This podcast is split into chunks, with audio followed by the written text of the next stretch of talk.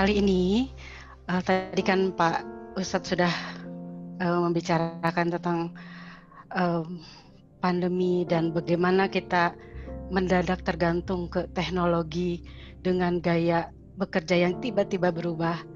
Terus terang sebagai penerjemah bagi saya tak banyak yang berubah karena sejak awal saya menjadi penerjemah uh, memang begitu pekerjaan saya bergantung pada teknologi uh, dalam hal ini internet dan listrik ya. Dan saya bekerja di rumah sepanjang waktu, uh, sering order online, belanjanya Shopee dan segala macam. Jadi pada dasarnya selama pandemi itu tidak banyak berubah dari hidup saya kecuali mungkin ordernya lebih seret ya. Karena begini, uh, Indonesia mungkin ya ini ini benar-benar murni uh, wawasan saya saja. Mungkin saat ini Indonesia bukan pasar yang seksi bagi luar negeri sehingga uh, mereka menahan diri untuk uh, berjualan di sini. Uh, karena imbasnya penerjemah tentu saja karena uh, untuk apa mereka uh, beriklan di pasar yang sedang tidak menarik seperti ini. Akan tetapi setiap terowongan pasti ada ujungnya. Di ujung sana ada cahaya terang mari kita berjalan ke sana dengan uh, memasrahkan diri kepada Gusti Allah dan kita bekerja sebaik-baiknya sehingga uh, apa ya berkah yang kita terima itu muncul sebagai konsekuensi bukan sebagai perolehan. Ya. Uh, sebenarnya uh, materi ini sudah pernah saya sampaikan.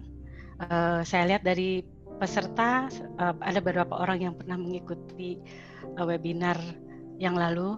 Tapi uh, mohon bersabar dengan saya. Semoga uh, Anda tidak bosan mendengarkan saya ya. Baik. Oh, tadi tadi sudah disampaikan ya oleh Mas Haidar uh, sedikit tentang saya. Uh, saya teringat sesuatu.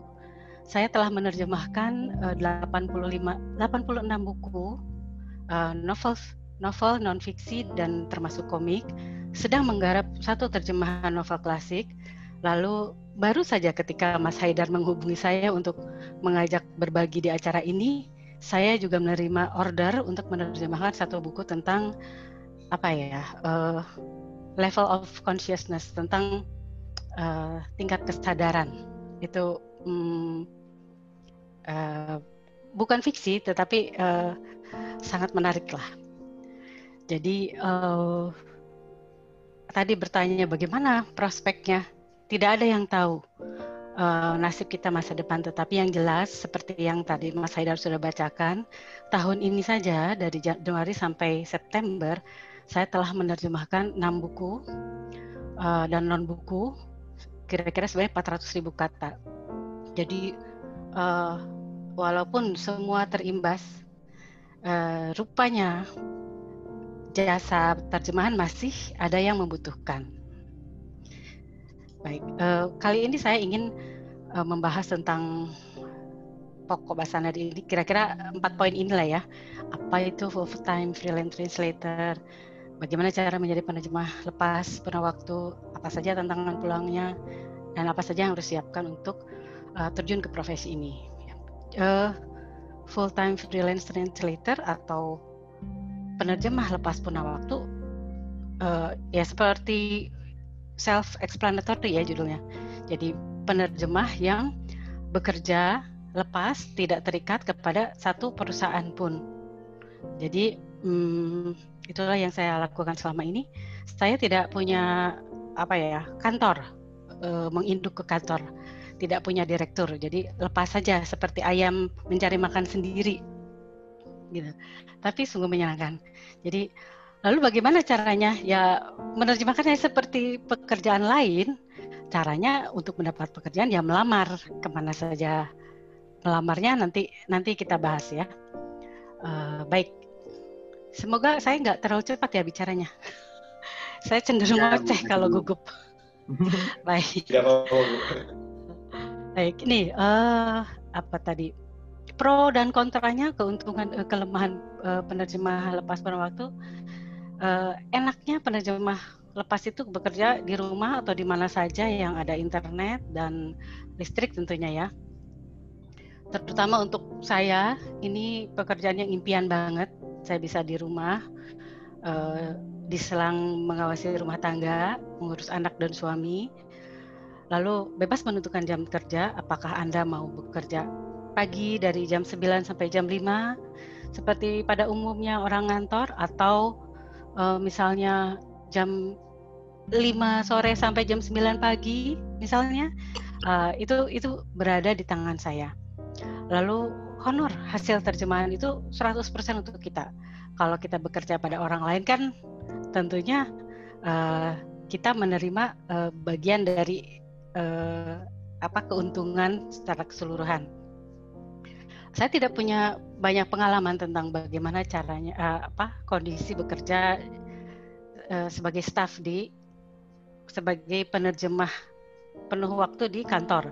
Karena memang saya nggak pernah bekerja itu. Dulu saya bekerja di sebelum jadi penerjemah saya bekerja di British Council selama 16 tahun jadi pegawai biasa.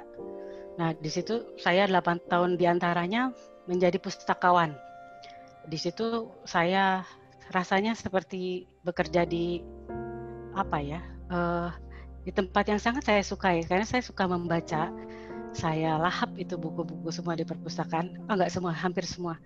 Jadi saya pikir itulah yang menjadi modal saya untuk uh, kemudian menunjang profesi saya sebagai penerjemah saat ini. Banyak membaca. Lalu uh, keuntungan lain dari penerjemah lepas ini adalah bebas memilih atau menggarap semua pekerjaan atau mengerjakan terjemahan yang diminati saja. Ya. Seperti tadi Pak Ustadz bilang, uh, tidak mungkin seseorang menjadi, oh saya bisa menerjemahkan segala subjek. Arab Indonesia bisa, Indonesia Arab bisa, Inggris Indonesia, hukum, teknik, kedokteran. Tidak bisa, saya tidak mampu. Karena uh, memang begitulah cara kerjanya. Jadi saya memilih uh, subjek spesifik yang saya minati dan saya kuasai, yang akhirnya uh, bisa berkonsentrasi di situ sehingga hasil dari terjemahan itu sesuai dengan uh, keinginan pemberi kerja uh, dan uh, saya alhamdulillah uh, apa jasa saya banyak yang pakai selama ini. Nah sekarang Kekurangan ya kalau penerjemah lepas itu harus sedia sendiri ya laptop, kamus-kamus, sambungan internet. Berbeda dengan kalau bekerja di kantor misalnya kan, semua fasilitas disediakan. Lalu eh, penghasilannya tidak menentu. Kadang-kadang sedang banyak order tapi sering-sering sepi order. Eh, itu salah satu eh, kekurangannya. Tetapi uh, itu bisa diatasi dengan uh, manajemen keuangan dan manajemen waktu yang baik. Lalu ke, tidak menerima tunjangan kesehatan. Jadi semasa misalnya Anda menjadi penerjemah, mungkin anda harus membayar sendiri asuransi kesehatan, BPJS, membayar sendiri preminya. Beda dengan yang di kantor. Biasanya hal seperti itu ditanggung oleh kantor termasuk benefit bekerja di kantor tersebut. Lalu uh, penerjemah lepas juga harus mencari klien sendiri. Anda tidak bisa mentang-mentang sudah punya pengalaman 12 tahun di penerjemahkan, sudah menerjemahkan 85 buku, 86 buku. Anda bisa duduk berpangku tangan menunggu order. Tidak begitu cara kerjanya. Saya terlalu uh, senantiasa uh, mencari peluang. Saya tetap mengirimkan lamaran ke calon klien, uh, juga ke penerbit jadi itu uh, apa ya upaya yang harus terus-terusan terus-menerus dilakukan sebagai penerjemah lepas waktu. Jangan takabur. Uh, tidak ada itu yang bekerja apa mm, order datang dengan sendirinya. Kita kita harus berusaha juga. Baik. Uh, mungkin uh, jadi apa sih yang bisa diterjemahkan?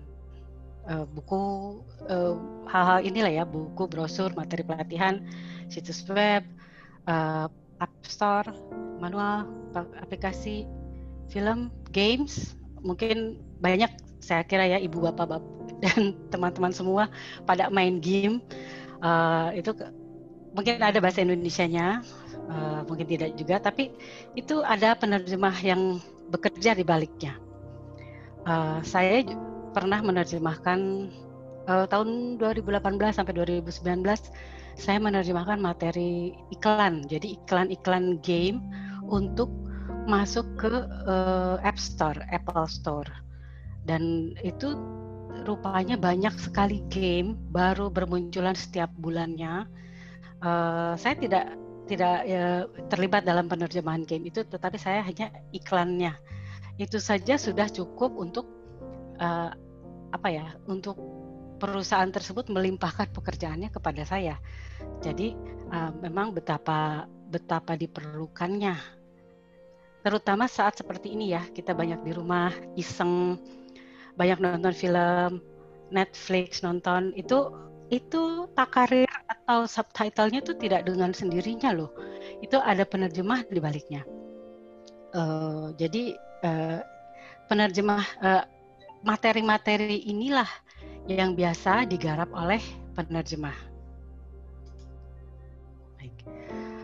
Sekarang uh, siapa saja sih? Dari mana sih orang mendapatkan pekerjaan penerjemahan itu? Perorangan misalnya uh, Pak Ustadz uh, Pak Ustadz mencari nih ya butuh untuk bahan mengajar misalnya dia butuh penerjemah itu bisa menjadi klien Anda. Atau juga perusahaan organisasi uh, itu terus tidak hanya perusahaan asing perusahaan Indonesia pun uh, terkadang membutuhkan jasa penerjemah. Jika misalnya saya pernah menerjemahkan materi pelatihan Human Resource Department itu dari bahasa Inggris ke Indonesia nah bahannya itu dari Australia. Pelatihannya dari Australia kemudian pesertanya itu perusahaan tersebut, perusahaan Indonesia, agar mudah mereka butuh materinya itu dalam bahasa Indonesia. Nah, di situlah saya terlibat, uh, kemudian menerjemahkan materinya. Uh, itu mungkin um, potensi juga yang ya uh, cukup cukup bagus. Gitu ya. Lalu penerbit, uh, klien terbanyak saya adalah penerbit saya menerjemahkan banyak buku karena saya memang ingin menjadi penerjemah novel sejak awal gitu. Lalu agensi terjemahan, agensi terjemahan ini uh, memang pekerjaannya menerjemahkan. Misalnya uh, Anda pakai iPhone misalnya ya atau Samsung.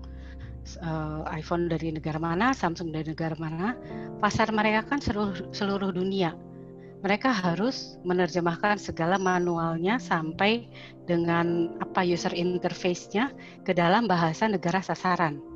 Mereka tidak mungkin Samsung tidak mungkin langsung menghubungi saya, siapa saya. Uh, lagian untuk bahasa kalau mereka melakukan itu akan sangat merepotkan mereka ke Thailand cari orang Thailand ke cari. Nah, hanya dengan bekerja dengan agensi agensi yang akan menghubungi penerjemah-penerjemahnya dari berbagai bangsa.